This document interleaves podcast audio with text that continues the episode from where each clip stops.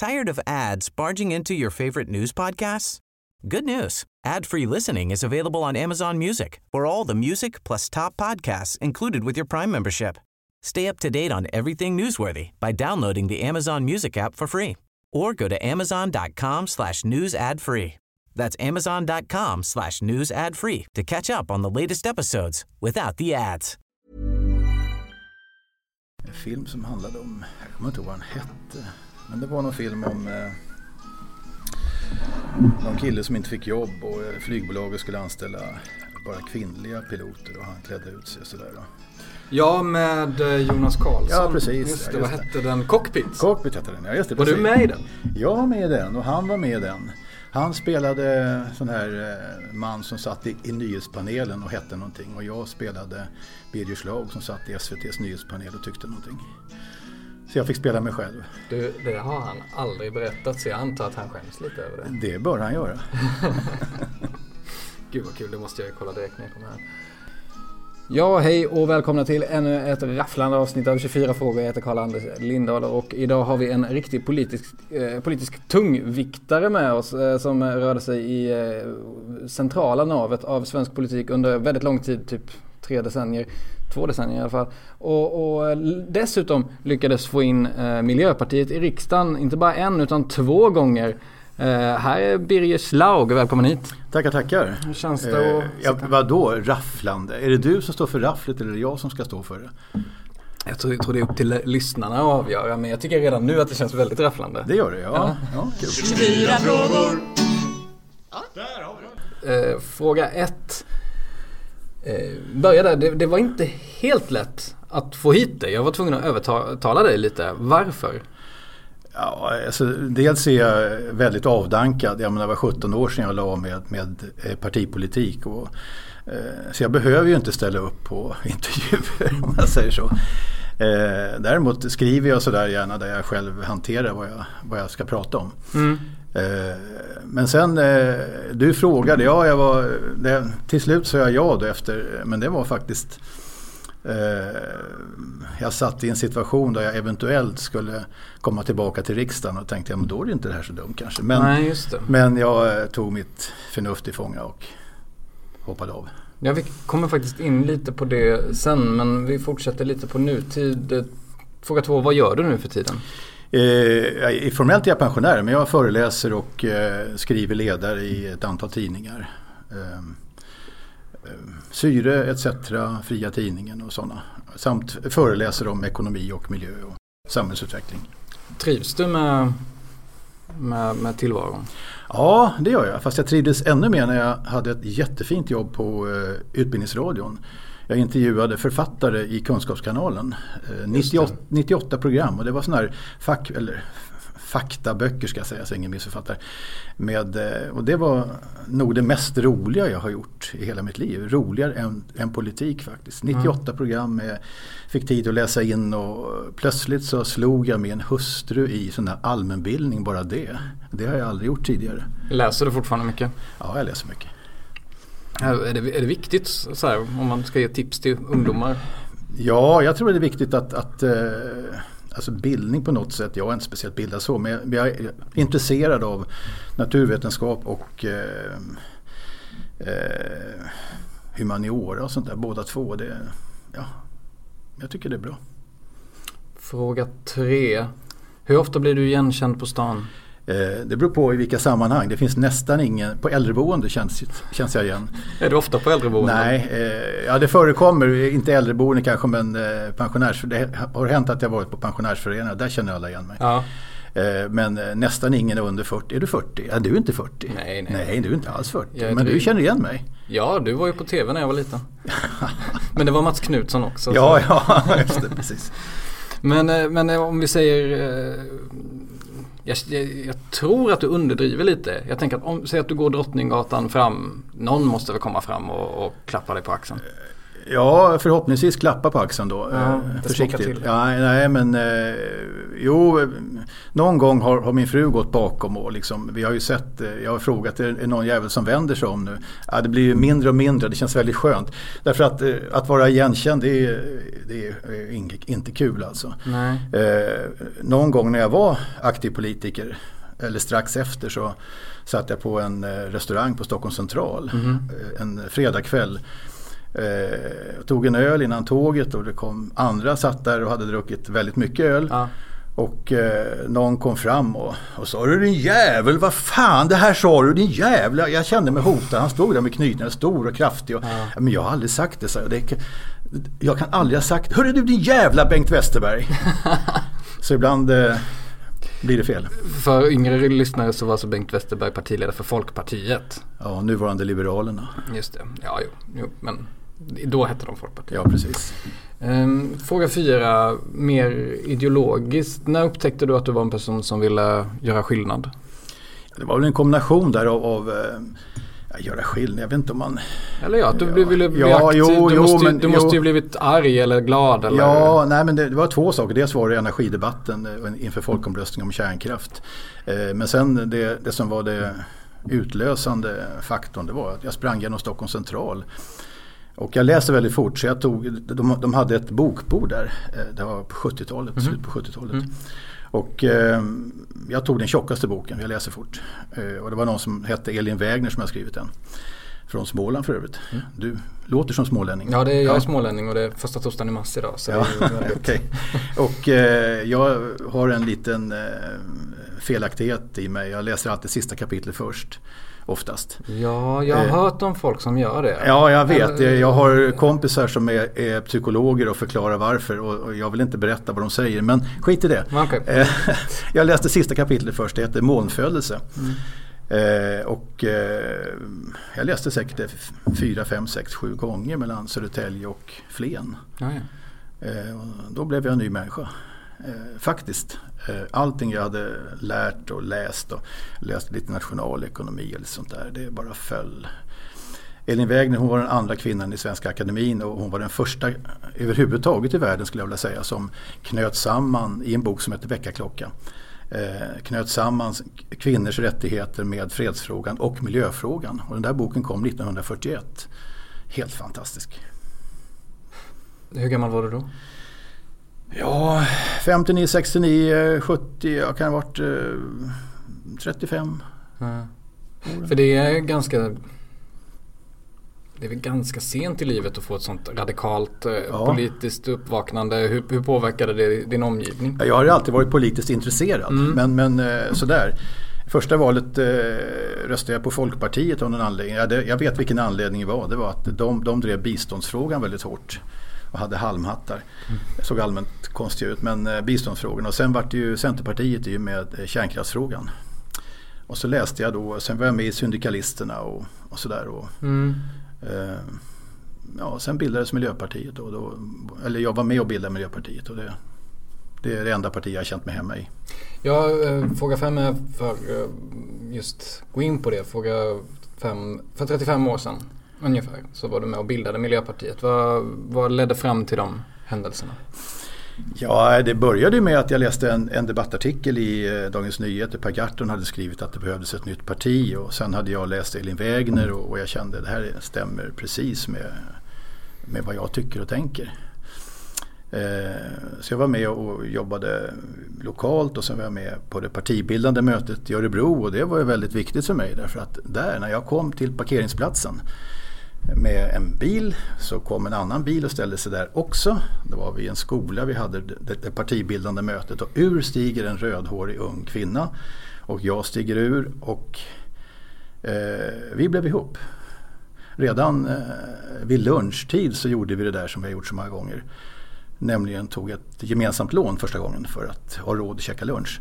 Jaha, ja. Men vi är fortfarande gifta och Nej, vad har trevligt. två barn, ja. Så egentligen eh, min fru brukar tacka Per Gahrton för sina barn. För att hade inte han varit med och startat partiet hade ju inte vi träffats. Vad säger Per Gahrton då? Eh, jag vet inte, lite rodnar kanske lite. Ja, men eh, du nämnde det här med Centerpartiet och, och hade du kunnat bli aktiv i något annat parti? Nej, det tror jag inte. Det tror jag inte. Jag, när jag var eh, jag bodde i Stockholm eller Sollentuna centrum egentligen och, och, det jag kände från politiken det var ju Centerpartiet där då. Och det var ju väldigt radikalt. De slog ju sossarna från vänster. Eh, Olof Johansson var radikal, Rune Lanestrand och alla möjliga sådana här. Och sen flyttade jag ut till Vingåker och då mötte jag ett helt annat centerparti som mm. var stockkonservativt och det var ju liksom absolut ingenting för mig. Nej. Men, men om man ska försöka förstå Miljöpartiet tidigt 80-tal, det där första mötet i Örebro. Vad var det för typ av människor? Vad var det för typ av debatt? Ja, det var, eh, det var ju en ganska strukturerad debatt måste jag ändå säga. För det hade ju funnits en aktionsgrupp som hade lagt förslag och sådär. Men de människor som fanns det var ju allt från eh, jobbare på Volvo till, till eh, professorer. Och det var ju en, en sorts genomsnitt av, av svenska folket helt enkelt kan man mm. säga. Invandrare och, och infödda svenskar och ja. Um, Sen visade det sig sen eh, när, Sverige, när, när, Miljöpartiet kom in i Sveriges riksdag 88 så gjorde, någon, gjorde man någon undersökning på utbildningsnivån och det chockade ju alla att just Miljöpartiet, flummarna, det var ju det mest välutbildade partiet. Det var mm. professorer och docenter och allt möjligt sånt där. Ja, fråga 6. På gott och ont ska jag säga. Ja, kom in på det. Fråga 6. För att Miljöpartiet gör ju bara några år senare någonting som inte hade skett på 50-60 år någonting. Uh, ni kom in i riksdagen. 70 år. 70 år. Nytt parti i Sveriges riksdag, valet 1988. Uh, eh, vad minns du från den tiden? Ja, det, alltså minne ska man ju se upp med. Alltså, men jobb. Aha. Jobb, jobb, jobb. Eh, det fanns ju inga pengar. Ursäkta. Ungefär. Det fanns ju inga pengar så att eh, allting skedde ju ideellt. Eh, det fanns ju inte eh, ja, men jag, jag vet jag kom, kom hem till på fredagskvällarna då, med sista tåget som stannade i Katrineholm. Och det hände ju många gånger att jag sov på eh, tågstationen för jag kunde inte en gång till ringa till Lena, min hustru, och be henne hämta mig. Sådär. Eh, det hade hon gärna gjort men så det var, det var tufft mm. men jätteroligt. Det var ju entreprenöranda. Eh, det var ju ingen jävel som tänkte på CV eller karriär utan här skulle vi förändra världen, här skulle vi komma in med något nytt. Ja, och hur tycker du att det gick där första 88 till 91? Ja, det gick ju... I riksdagen gick det ju åt pipan på många sätt. Mm. Eh, vilket berodde på att språkrören fick inte sitta i riksdagen. Eh, utan i riksdagen satt det gruppledare som, som, som ledde riksdagsgruppen. Det varit väldiga konflikter här emellan.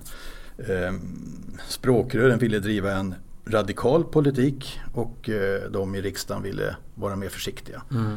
Så det blev, vi åkte ur 91, eller jag var inte med då men jag var inte språkrör 91 när vi åkte ut. Men de språkrören hade jobbigt. Mm. Mm. Under din tid som språkrör så hann Sverige ha fyra statsministrar. Eh, Oj då. Ja, om man räknar med, om man räknar med Palme, vilket man får väl göra. Du var språkare 85 till 88. Ja, det stämmer ju. Ja, ja det stämmer faktiskt. Um, vem av dem tyckte du bäst om? Och det är ju då Bildt, Karlsson och Persson och Palme då. Ja, Palme träffar ju aldrig i princip alltså, sådär. Och, och, och eh, Karlsson eh, har jag inte något som helst förtroende för.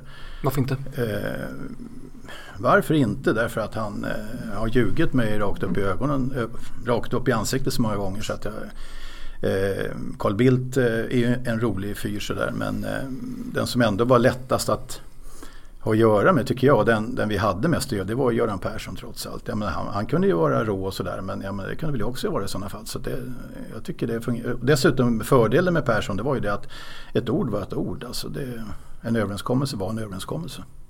Men eh, man fick ofta intrycket av att det kunde vara ganska hård stämning mellan dig och Persson. Hur mycket? Det var jättehård stämning men kanske inte så mycket mellan oss då utan det var med andra sossar. Eh, ja, de här förhandlingarna som var det var ju väldigt tuffa förhandlingar. Eh, men sen eh, lyftes det då till partiledarnivå och då förhandlade man med Persson. Då var det ofta mm, lättare. Hade, hade du kunnat hantera honom eller Socialdemokraterna på ett annat sätt tror du? Ja, nej, jag tycker, ja, det hade, klart, hade man kunnat göra, klart. Men jag tyckte det var jättebra med utpressning. Jag tycker inte det är, är bra att eh, sitta och förhandla med just sossar på, för att bli vänner och sånt där. Därför det är en maktapparat och en maktapparat måste man behandla som en maktapparat.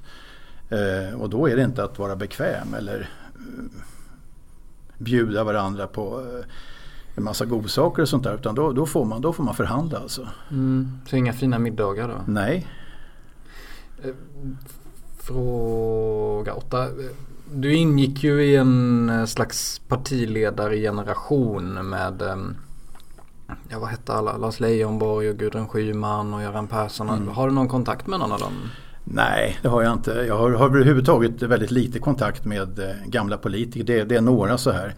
Eh, jag såg hela den här politiska åren som ett besök i politiken. Jag försökte medvetet att inte umgås med andra politiker mer än nödvändigt. Jag hade några goda vänner sådär men, men att både umgås på jobbet, i, i politiken och i privatlivet. Det tror jag är skadligt för politiker. Kommer du ihåg har du något slags minne från den tiden då du var riktigt jävla förbannad? Alltså sådär ursinnig. Ja. Vad var det? Ja det var någon gång, kan det vara 97? Eller efter 98 var det. Vi hade budgetsamarbete med sossarna och eh, plötsligt läser jag i tidningen att eh, de tänker eh, göra upp med Centern om, om nya pengar till militären. Som jag aldrig kan räkna. De hade något så kallat svart hål i sin budget. Och eh, då blev jag förbannad. Så då ringde jag och sa att eh, fortsätter ni det, det resonemanget med Centern, för, även om vi har budgetförhandling, då är det slut med vårt samarbete, punkt slut. Mm. Varvid jag tror att finansministern var väldigt, väldigt nöjd. Han var också sosse. Det hände ju emellanåt att eh, militären ville ha ännu mer pengar och då kunde ju eh, finansminister Åsbrink då, han, mm. han, kunde ju ringa och säga men eh, det gillar väl inte ni va? Ni bryter väl samarbete? Ja för fan sa jag. Ja men bra sa han. Gick det till så? Så kunde det gå till. Samma sak kunde gå till att, att miljöministern eh, som hade fått nej i, i, i finansdepartementet ringde till mig och, och det kvinnliga språkröret Marianne Samuelsson och, och, och, sa kan ni inte driva den här frågan? Vi behöver det. Och eh, ja, så var det. Mm, fråga 9. År 2000 så var din långa karriär som språkrör slut. Och, yes, och det var alldeles för sent.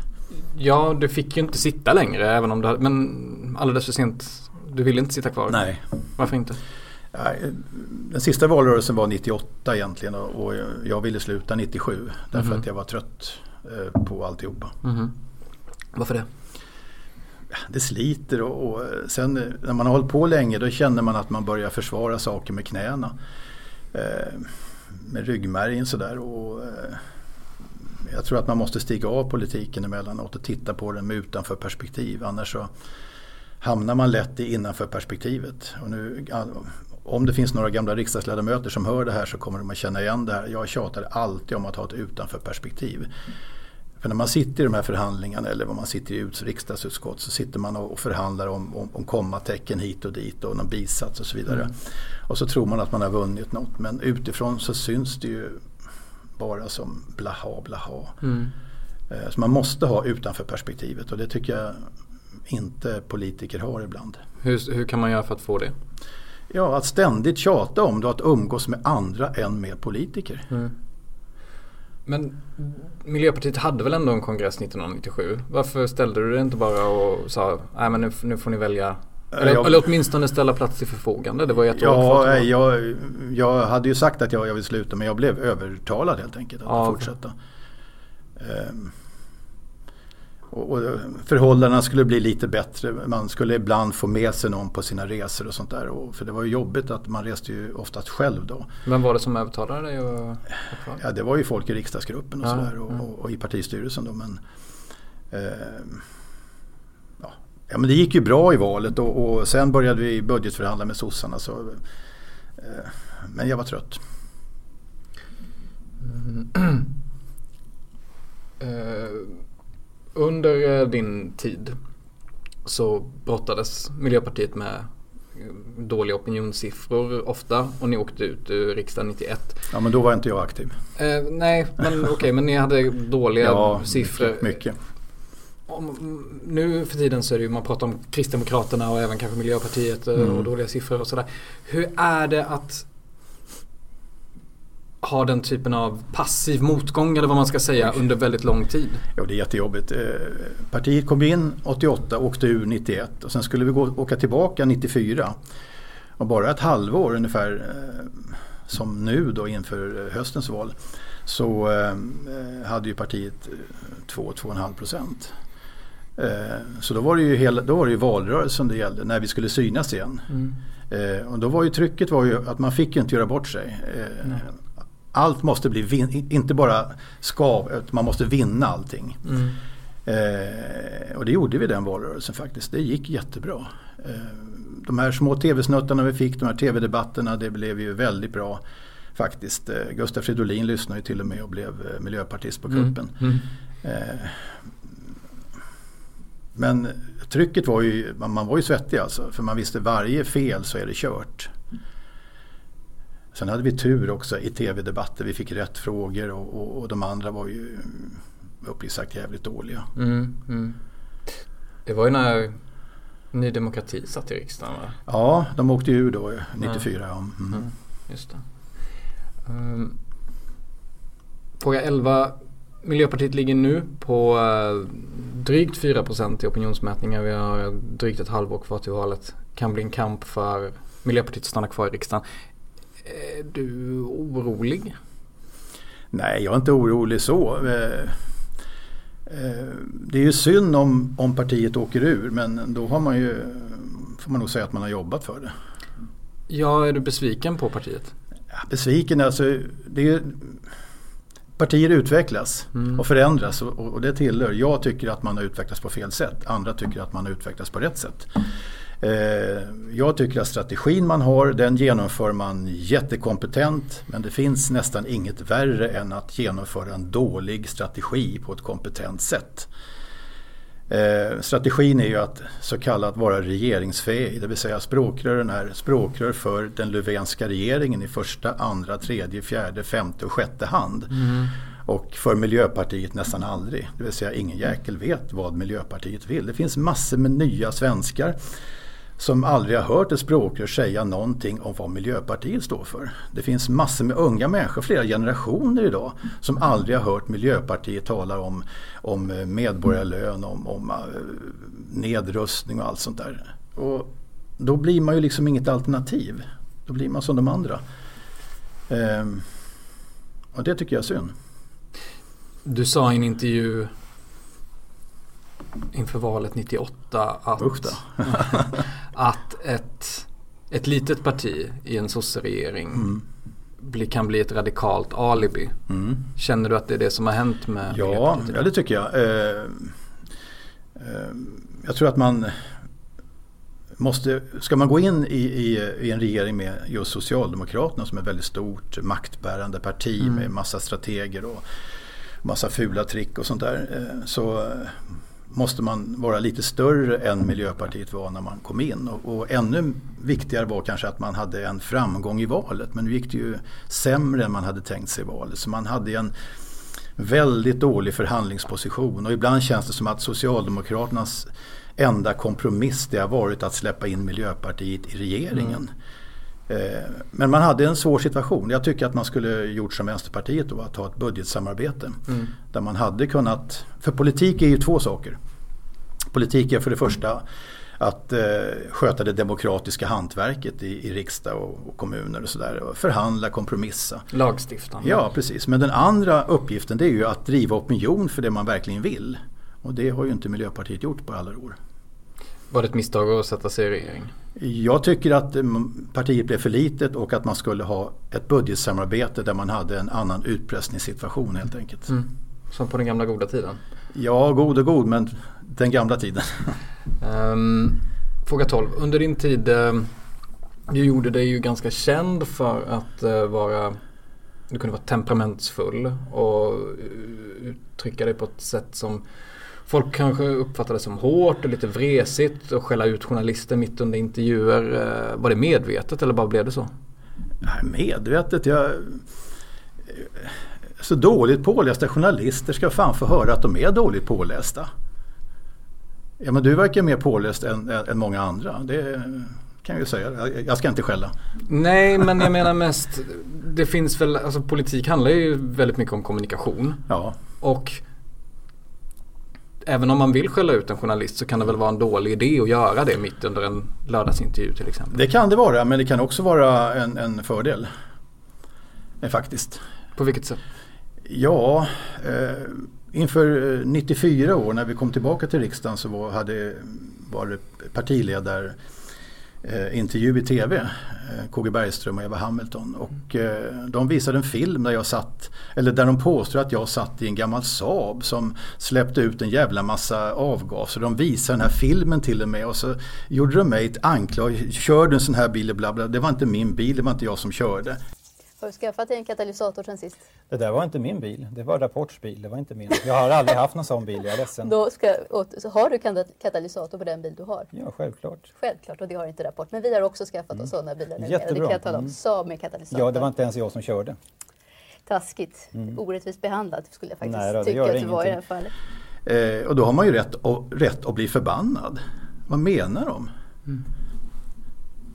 Uh, men, men, men var det någonsin någon som internt sa att du, du måste faktiskt lugna ner dig lite? Det fanns, jag minns inte det, men det, det fanns säkert. Men eh, de flesta tyckte nog att det var eh, ganska friskt. Eh, jag hade en lördagsintervju som, där jag faktiskt blev förbannad. Nu när de ja, håller på att krympa alltså, under fjärdedelsspärren så, så står... Roliga. Ni är så roliga för ni tror att politi alla politiska partier är som företag som ska norpa marknadsandelar. Miljöpartiet och jag hoppas också andra partier, i alla fall borde det vara så, står för en politik. Eh, men det var ju att jag blev så irriterad på, på de här två journalisterna.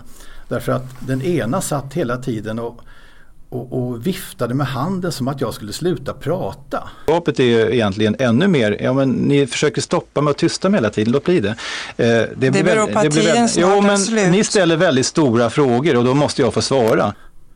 Men det visade sig att den andra journalisten var döv i stort sett. Han hörde inte vad jag sa så hon viftade på att han skulle vara tyst. Jaha. Och det här var ju en väldigt konstig situation. Ja. Och då var jag irriterad till slut. Ja, det blev inte en jättebra intervju heller kanske. Jo, den blev jättebra. Ja, ja. Uh, vi kanske kan lägga in ett klipp från den. Uh, ja, något klipp var säkert inte, inte bra men helheten blev väldigt bra. Den blev... Uh, ja. hela kan vi nog inte lägga. Nej. Vi kan inte lägga in en hel lördagsintervju. Som... Nej, men däremot så var, var det lite kul för att många medlemmar tyckte att det var en lysande. Mm. fråga 13, stanna kvar där lite. Vad är den absolut största skillnaden på det politiska klimatet i Sverige nu jämfört med valrörelsen 98, 20 år sedan? Ja, den har mer likhet idag med 94 kan man säga för då mm. var Ny Demokrati kvar och det fanns fortfarande den här då fanns också den här invandrar och flyktingdebatten. 98 var ju den borta i stort sett. Eh, så skillnaden är ju också att det är en jättestor skillnad egentligen. Det är att allting grötas ihop i någon sorts allmän mitt som ligger ganska långt till höger egentligen om man jämför med då. Eh, så politiken totalt sett, inte minst den ekonomiska politiken, har vandrat väldigt många steg till höger. Det fanns ju inte ett borgerligt parti som tyckte att man skulle dra ut eh, vinster ur välfärden för. Det, det, det, fanns, det fanns inte. Hej, jag Ryan Reynolds. På Mint Mobile, we like to do the opposite of what Big Wireless does. They charge you a lot. We charge you a little. So naturally, when they announced they'd be raising their prices due to inflation, we decided to deflate our prices due to not hating you. That's right. We're cutting the price of Mint Unlimited from $30 a month to just $15 a month. Give it a try at mintmobile.com slash switch. $45 upfront for three months plus taxes and fees. Promote for new customers for limited time. Unlimited more than 40 gigabytes per month. Slows. Full terms at mintmobile.com. Tired of ads barging into your favorite news podcasts? Good news. Ad-free listening is available on Amazon Music for all the music plus top podcasts included with your Prime membership. Stay up to date on everything newsworthy by downloading the Amazon Music app for free or go to amazon.com slash news ad free. That's amazon.com slash news ad free to catch up on the latest episodes without the ads. På den borgerliga kartan heller. Mm. Mm. Så politiken har kommit mer till höger och profileringen av partier är nog mycket, mycket mindre. Man är rädd för att tappa så kallade marginalväljare. Och det här beror väl mycket på blockpolitiken också. att Miljöpartiet och Vänsterpartiet kanske också vågar liksom inte säga för mycket därför att då kan ju högersossar bli rädda och hoppa över på det andra blocket. Och eh, kristdemokrater kanske inte heller vågar säga riktigt så mycket när det gäller kult, eh, socialkulturella frågor. Sådär. För då kan ju socialliberaler bli oroliga och hoppa över till det rödgröna blocket. Men i eh, övriga Europa och västvärlden så har det ju funnits en nya gröna rörelser, mörkröda rörelser, piratpartister på mm. Island och sådär. Medans här i Sverige så verkar eh, Miljöpartiet, Vänsterpartiet och även Feministiskt initiativ på något sätt så missat det tåget. Vad tror du mm. att det beror på? Ja, jag vet inte. Vänstern, och, och vänstern har, har ju sitt eh, sin historia som de liksom inte riktigt kommer ur oavsett eh, hur lång tid det går. Och, och Fi har väl också svårt men, men eh, det är fortfarande en känns utifrån som ett, en, ett enpersonparti lik förbaskat trots att man inte är det. Men när det gäller Miljöpartiet så tror jag, tycker jag inte man har eh, snappat de här rörelserna som finns riktigt. Jag menar, vi kan ta Bernie Sanders eller mm. Jeremy Corbyn som har snappat vad som rör sig. Och den nischen, den uppfattar jag som självklart att de gröna, gröna partierna i Europa skulle ha. Inte minst Miljöpartiet i Sverige och det har man missat. Vad är det exakt man ska snappa då? Man ska snappa att det finns ett, ett genuint misstänksamhet, eh, berättigad sån, mot hela det här eh, nyliberalt eh, präglade projektet vi håller på med i Sverige också.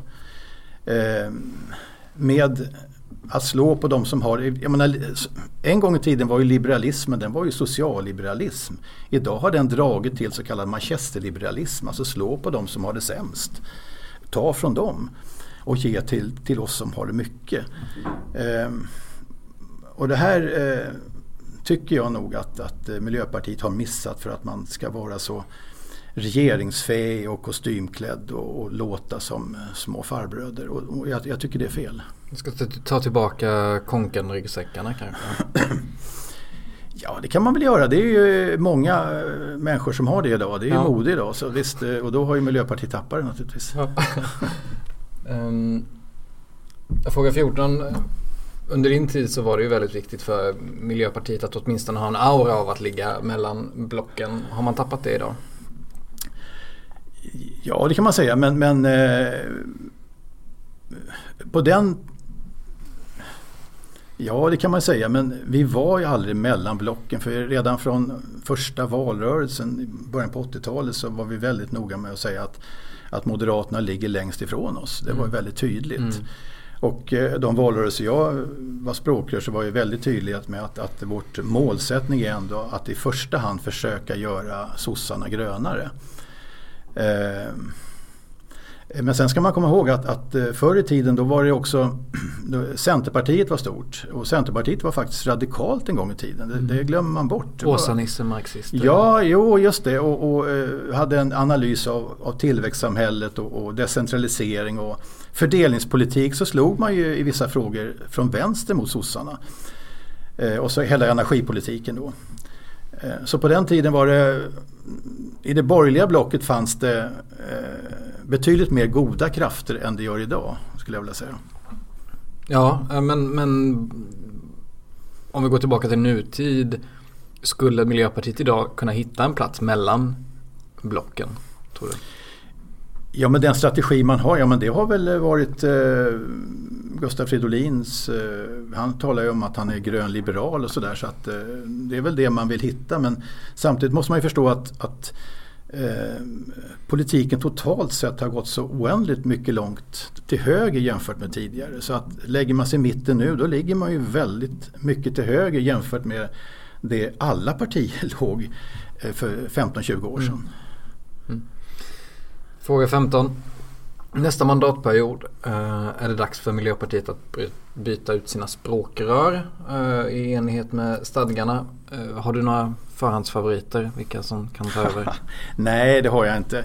Och jag tror att det där beror på, kommer man in i riksdagen och ska sitta i regering då eh, kommer man att välja Per Bolund och, några andra. Åker man ur däremot då kommer man ju att förmodligen att gå tillbaka till rötterna och välja några som är ideologiskt eh, eh, mer gröna så att säga, som vågar driva gröna frågor utifrån ett ideologiskt perspektiv, inte bara miljöfrågor utan andra frågor. Um, det låter som att det finns någon slags eh, crossroads här om man mm. är kvar eller inte. Vad, vad tror du att det hade varit bäst för Miljöpartiet på lång sikt? Ja, alltså, jag vill ju inte säga det. det. Det känns så tråkigt att säga att eh, för på lång sikt eh, kan man ju då tycka att ja, det vore bättre att de åkte ur och startade på ny kula. Men jag vet hur jättejobbigt det är att komma tillbaka. Mm. Så det bästa är väl att man kommer in i riksdagen och väljer en radikal partistyrelse som vågar stå för någonting. Mm. Det, är lite som, ehm, det är lite som i fotboll. När eh, man hoppas att ett lag åker ner en division så de får bygga upp laget igen. Men så fortsätter det alltid bara gå åt helvete. Ja, ja, ja. Jo, men jag hoppas inte att, att, att partiet skulle åka ut. Men, men eh, det skulle, skulle förmodligen innebära en förnyelse på många sätt. Men den där förnyelsen skulle man nog kunna få ändå. Mm. Eh, tycker jag. Det finns radikala, bra miljöpartister som faktiskt vore jättebra som språkrör. Det pratas ju mycket om Alice Bah Kuhnke. Vad tror du om det? Jag vet inte vad hon tycker om just någonting så det, det, det kan jag inte uttala mig om. Hon, hon, eh, jag tror att man måste, som språkrör tror jag att man måste eh, i ett, eh, ett, ett, parti som är, egentligen står för, för en helt annan världsbild än, än, de gamla partierna så kanske man måste ha någon som har jobbat i partiet ett tag. Jag vet inte. Mm. Och vad hon tycker och tänker om, om arbetstidsförkortning eller nedrustning och så har jag ingen aning om. Uh, fråga 16. Hur tror du att det går i valet i höst generellt? Generellt sett går det säkert åt helvete. Eh, vad man än röstar på så går det ju åt pipan. Så det är väl svaret på den frågan. Men eh, vad tror du om valresultatet? Jo då. Vad tror du om valresultatet? vad ska man tro om det? Det är ju svårt att säga. Va? Det, det kan ju hända så väldigt mycket på sex månader. Ja, ja, men det, eller det kan hända så att, att FI kommer in och eh, Miljöpartiet åker ur till mm. exempel. Det handlar ju eh, det är ju, för, för Miljöpartiet är det ju svårt också för att eh, de språkrör man har nu de är ju eh, orättvist eller inte så har de ju väldigt lågt förtroende eh, bland väljare. Eh, och det gör ju att valrörelsen blir väldigt, väldigt marig för dem. Eh, de måste först vinna förtroende själva för att sen vinna förtroende för sitt parti och det, det kan vara svårt. Mm. Eh, ska vi se, fråga 17. Din gamla kompis Per Gatton kandiderar till riksdagen igen, 75 år gammal. Är du lite sugen själv? Eh, nej, egentligen inte. Eh, jag, fick, jag har fått, frågan faktiskt från ja, också miljöpartistiska regioner och sådär. Mm. Ja, det var en som var väldigt eh, ivrig och eh, jag funderade faktiskt på fullt allvar. Och då, eh, men alltså risken är också att man kommer in i, i, i riksdagen mm. så att säga. Eh, och eh, jag vet inte hur jag skulle klara det. Jag skulle kanske hamna i samma situation som Carl Schlyter och Walter Mutt och Annika Lillemets. De här som har haft det jobbigt som vill driva grön eh, politik och vill driva opinion men liksom inte får. Och det, då hade jag eh, inte mått bra. Du kanske hade blivit ett radikalt alibi i det radikala alibit? Ja, ja precis. Mm. Mm. Fråga 18. Eh, vad tycker du om Sverigedemokraterna? Jag bortser från eh, en fråga som har stuckit ut för dem så är de ju så vilket annat parti som helst. Eh, menar, det är ju, ja, nej. Jag tycker eh, genuint illa om dem inte bara för, för deras eh, rötter och alltihopa utan även för deras energipolitik och deras försvarspolitik och alltihopa. Jag, jag tycker eh, det är det parti som ligger längst bort från Miljöpartiet naturligtvis. Så det är fullt rimligt och det kan man vara stolt över. Men eh, du säger som vilket annat parti som helst, vad menar du med det? Ja men när det gäller annan politik eh, så låter man, man har ju inga revolutionära åsikter eller vill förändra samhället utan man ligger ju i, i boxen så att säga när det gäller syn på socialförsäkringar och alltihopa det här. Det ligger någonstans i den eh, socialistiska liberala röran där på, ja, som alla andra. Eh, utan det är ju en fråga man har stuckit ut i och, och, då har folk fått för sig att de eh, står för någon förnyelse av, men det gör man ju inte utan man eh, cementerar ju den, den traditionella politiken. Jag skulle vilja se en, en politik som ifrågasätter eh, upprustningen som ifrågasätter hela, hela vårt socialförsäkringssystem som det ser ut och på allvar börja utreda och diskutera medborgarlön och basinkomst. Jag skulle vilja se ett, ett parti som fattar vad som händer när man har mycket skatt på arbete. Och skatten på arbete och arbetstid ska finansiera skola, vård, omsorg och, och socialförsäkringssystem. Men herregud, när ett företag som har hundra anställda och tillverkar en massa saker. De är ju en del av samhället. De betalar inkomstskatter för sina anställda som går till skola, vård, omsorg, polis, försvar. Och, eh, och arbetsgivaravgifter till socialförsäkringssystemen. Sen byter man ut människorna mot robotar. Helt, helt rimligt och helt, helt okej. Okay. Och plötsligt finns företaget inte med i samhället. Man står inte för en jävla krona i stort sett till vare sig skola, vård, och omsorg eller trygghetssystem. Och det här måste vi tänka om. De här skatten på lönarbete, på arbetstid, den måste ersättas med en allmän produktionsskatt där man beskattar företagen oavsett om det är människor som står för produktionen, om det är IT, om det är robot eller vad sjutton det än är. Annars så hamnar vi i en situation där vi inte kommer att ha råd med skola, vård, omsorg eller trygghetssystem. Därför att den direkta av, av BNP så utgör det direkta arbetet det utgör en allt mindre del. Och det är den som man beskattar idag och det är fel. Men en... Eh, nu vart det politik här. Ja, nu kom vi igång. Ja. En, eh, en del av någon slags eh, samhällskontrakt mellan företag och stat handlar ju egentligen om att staten ska förse industrin med arbetskraft egentligen och se till att arbetskraften kan ta sig till jobbet, infrastruktur och så mm. vidare. Om man bara har robotar i en fabrik ute i skogen någonstans, varför ska mm. man då betala skatt? Därför att, att politikerna bestämmer det i Sverige, i Europa och, i, och globalt. Då kan man bygga fabriken någon annanstans? Jo, men så, så har man ju alltid sagt. När Sverige och några länder till införde arbetsgivaravgifter en gång i tiden som skulle gå till att finansiera trygghetssystem. Så sa man det, åh nu går det åt helvete. Men alla länder har ju samma problem. Och då såg de, ja men det här är ju ett bra sätt att försöka bygga välfärd. Så idag har ju nästan alla länder sociala avgifter eller arbetsgivaravgifter och sånt. På samma sätt är det ju med, nu ser vi robotisering och alltihopa, det är jättebra, det är inget hot, det är fantastiska möjligheter. Men då måste vi be, alltså lägga beskattning på det också. I Sverige, i Norden, i Europa och också globalt. Och det kommer ju så småningom, det är Sverige vi inte har någon debatt om det där. Men, men ändå rent moraliskt. Vad finns det för argument för att lägga skatt på industrin när man inte längre förser den med arbetskraft? Därför att industrin är en del av planeten, en del av samhället, en del av, av eh, det vi har byggt upp som samhälle. Mm. Och självklart måste man vara med. Industrin är väl inget eget som ska springa omkring. Fast det kan ju bli det om, om produktionen är helt, helt automatiserad.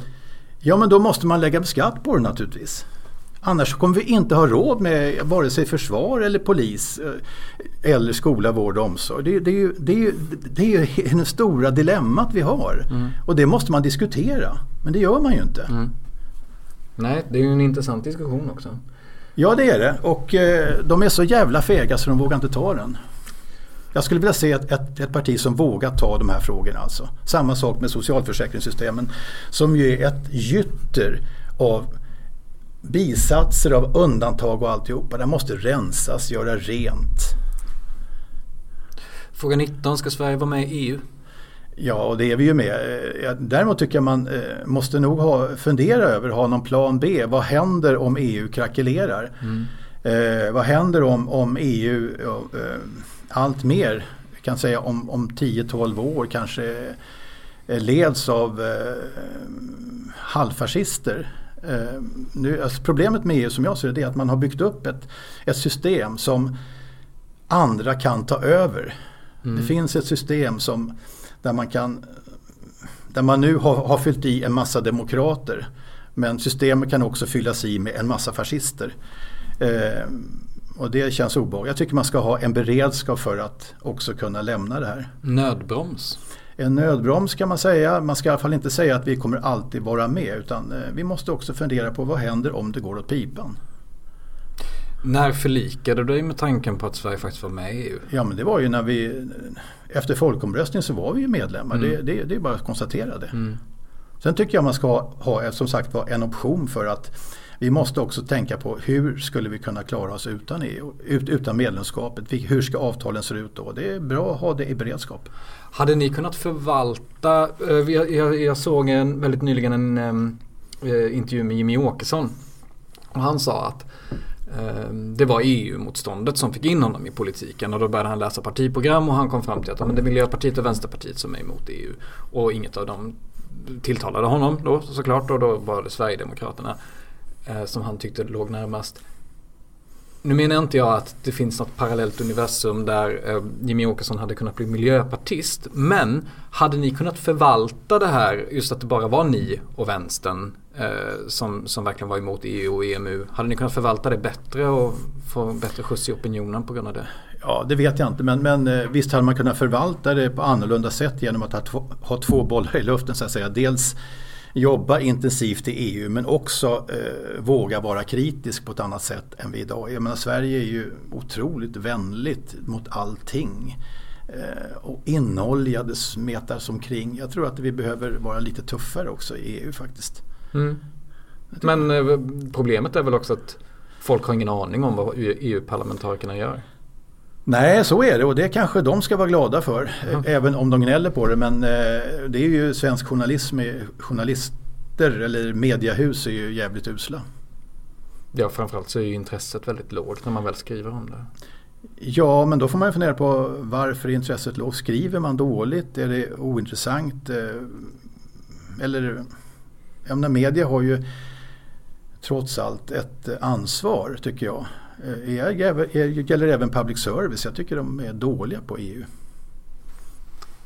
Fråga 20. Ångrar du någonting från din politiska karriär överhuvudtaget? Ja, jag, har, jag ångrade i alla fall att jag var, inte slutade 97 men eh, så här efteråt ångrar jag väl kanske inte det då. Men eh, jo, det finns det säkert, herregud. Eh, några utbrott hade jag väl kunnat låta bli. Ja.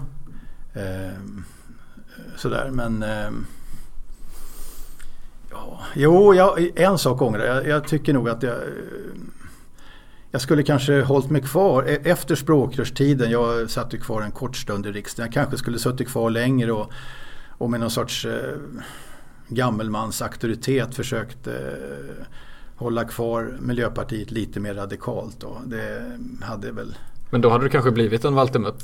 Ja, precis. Va? Och, eh, eh men Walter är bra. Så ja. ja.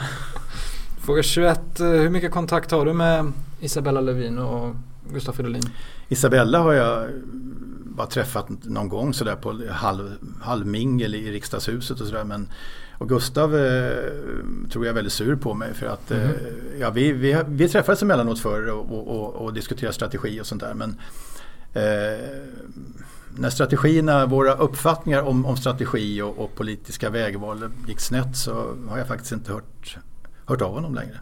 Var gick de snett någonstans? Ursäkta? Var gick de snett? Nej men det var väl eh, till exempel när han började prata, kalla sig grönliberal. Jag tycker man ska vara grön. Mm. Inte grön som prefix. Men det är väl inget att bråka om? Jo, jo men det ligger ju någonting mer i det. Va? Ja. Det ligger, han, han eh, har skrivit fantastiskt vackra saker om, om gamla liberaler och sånt där. Och, och det kan man göra men jag, jag menar att eh, det är lätt för mig. Jag, jag, var med och byggde upp Miljöpartiet tillsammans med många andra. Och, så jag har det där i min själ, hur, vad man ska tycka. Eh, mm. Vilka, eh, och sen blir det förnyelse och då, då känner man sig inte hemma. Så om han eller jag har rätt, det vet inte jag. Men jag får inte riktigt jag menar, vi var inne på det innan. Det var ju ett, eh, någon tv-debatt med dig som fick eh, Gustaf Fridolin att gå med i Miljöpartiet mm. som typ femåring eller något sånt där. Men, men, men och så säger du att ni inte har så mycket kontakt längre. Är det någonting mer än det här prefixet? Att, eller har ni växt ifrån? Ja, nej men, det, det, ja, men han har ju ett jättejobb. Det tar mm. ju all tid. Så ja. jag har full förståelse för det. Det är ett jättejobb han har och det tar all tid. Och sen har han barn och familj. Jag har full förståelse för det. Absolut. Men sen är det klart att, att eh, vi har olika uppfattningar om, om eh, en radda frågor. Jag blev ju jättebesviken när han står och säger i Agenda till, till exempel att eh, Miljöpartiet och han är stolta över att eh, man har gjort upp Eh, i försvarsfrågan och mer JAS-plan och allt sånt där. Det känns ju, jag menar, Miljöpartiets rötter är ju i fredsrörelsen. Det ska man inte glömma. Det kan man tycka är rätt eller eh, eh, bra eller dåligt men så är det. Mm. Och då tycker jag att något parti ändå eh, Oavsett vad man tycker i sak så borde något parti stå för något annat än den här våldsamma krigsretoriken som, då, som pågår idag. Det är överhuvudtaget bra att det finns en bred debatt. Sen kan man tycka att det är jättedåligt med ett parti som talar om nedrustning och icke-krigsretorik och allt sånt. Det kan man tycka men det är bra att den debatten finns. Mm. Ja, det, det, har ju varit en debatt nu här i veckan om feministiskt eh, initiativsbudget när man vill kapa mm. 14 miljarder mm. i, i men, men eh, annars så den debatten möts ju ganska med, ils med ilska när den blir radikal. För det finns någon sorts rysskräck och sådär. Ja, jo, jo, jo. Det, eh, sen är det ju kanske så att, att eh, trovärdigheten, de har ju låg trovärdighet än så länge. Eh, med rätta eller icke rätta. Mm. Vilket gör att, att eh, de får svårt att, att, eh, att förklara. Så får de litet utrymme i media och då blir det mest slagord och sånt där. Och man kan få inte utrymme att, utrymme att förklara. Miljöpartiet har ju, har ju en plattform och skulle kunna få politiskt utrymme. Fråga 22. Under uh, hösten 2017 så blev det ett stort uh, metoo-uppror i politiken som i många andra branscher. Uh, kvinnor talade ut om sexuella trakasserier och sånt där vidare. Eh, blev du förvånad över storleken på det? Du har ändå rört dig i politiken. Nej. Nej. Inte ett dyft. Varför inte? Nej men herregud, jag menar, jag tar bara riksdagen. Eh, ett exempel, när vi kom in 1988 så eh, dåvarande talman, han hette Ingemund Bengtsson, han talar om hur, hur det ska gå till i riksdagen när vi kommer in och så kommer han till klädkoden och då tittar han oroligt på mig och säger att du måste ha kavaj eller kostym och inte gå med några sådana här stickade koftor och så. Och då ställer en, en kvinna frågan, eh, och vi kvinnor då?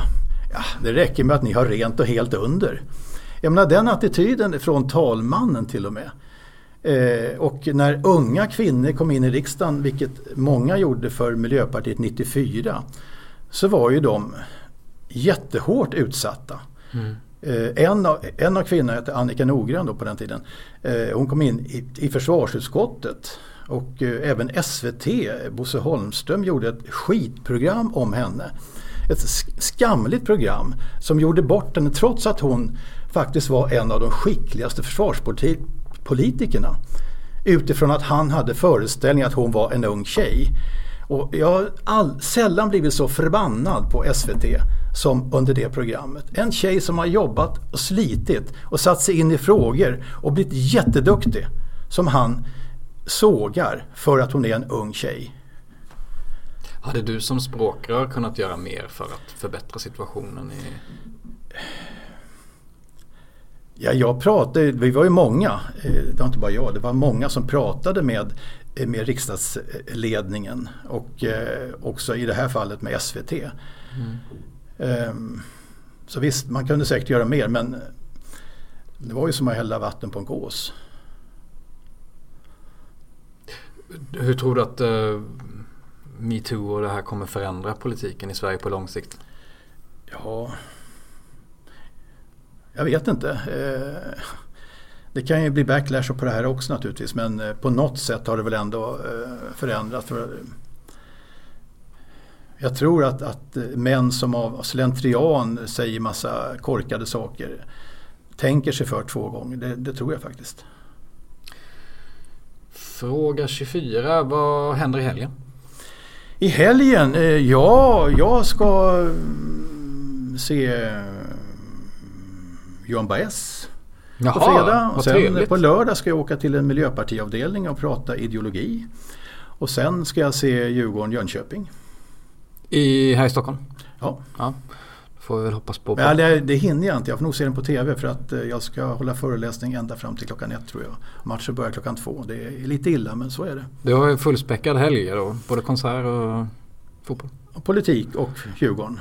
Ja, får vi hoppas på en bortaseger då. Uh, och, uh, jag hör den där skånska dialekten. Var är du ifrån? Skånska? Nej, småländska. Ja, jag är från... Jag... Låt mig gissa Kronoberg. Mm.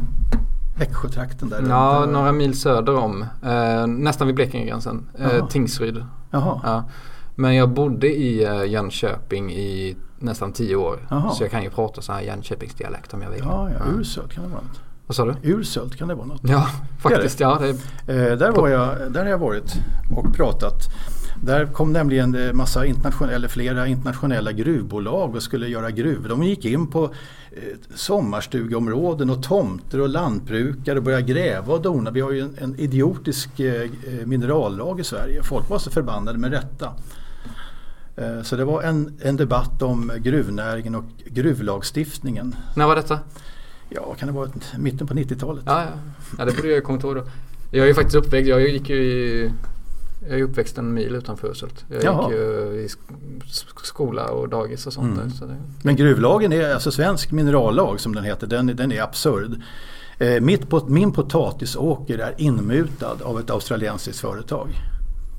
På riktigt nu? På riktigt. Hur påverkar det ditt liv? Ja, inte ett skit men eh, alltså bara, bara eh, liksom tanken. Mm, mm. Ja, ja eh, jättestort tack för att du kom hit. Det var supertrevligt att sitta och prata lite. Och eh, ni som vill får gärna mejla på 24fragor.nyt24.se. Vi hörs nästa vecka och då fortsätter vi i, eh, om man säger, samma, samma, samma tänker Då kommer Gudrun Schyman hit. Uh, och det blir väl spännande, eller hur? Ja, absolut. Mm, mm. Uh, se till att du får en syl i vädret bara. Ja, det hoppas jag med. Men vi säger tack och hej. Tack så mycket Birger Schlaug. Hej då. Hej. Så. Det blev, det blev kul. Funkar det? Head over to Hulu this March where our new shows and movies will keep you streaming all month long. Catch the acclaimed movie All of Us Strangers starring Paul Mescal and Andrew Scott. Stream the new Hulu original limited series We Were the Lucky Ones with Joey King and Logan Lerman. And don't forget about Grey's Anatomy. Every Grey's episode ever is now streaming on Hulu. So, what are you waiting for? Go stream something new on Hulu.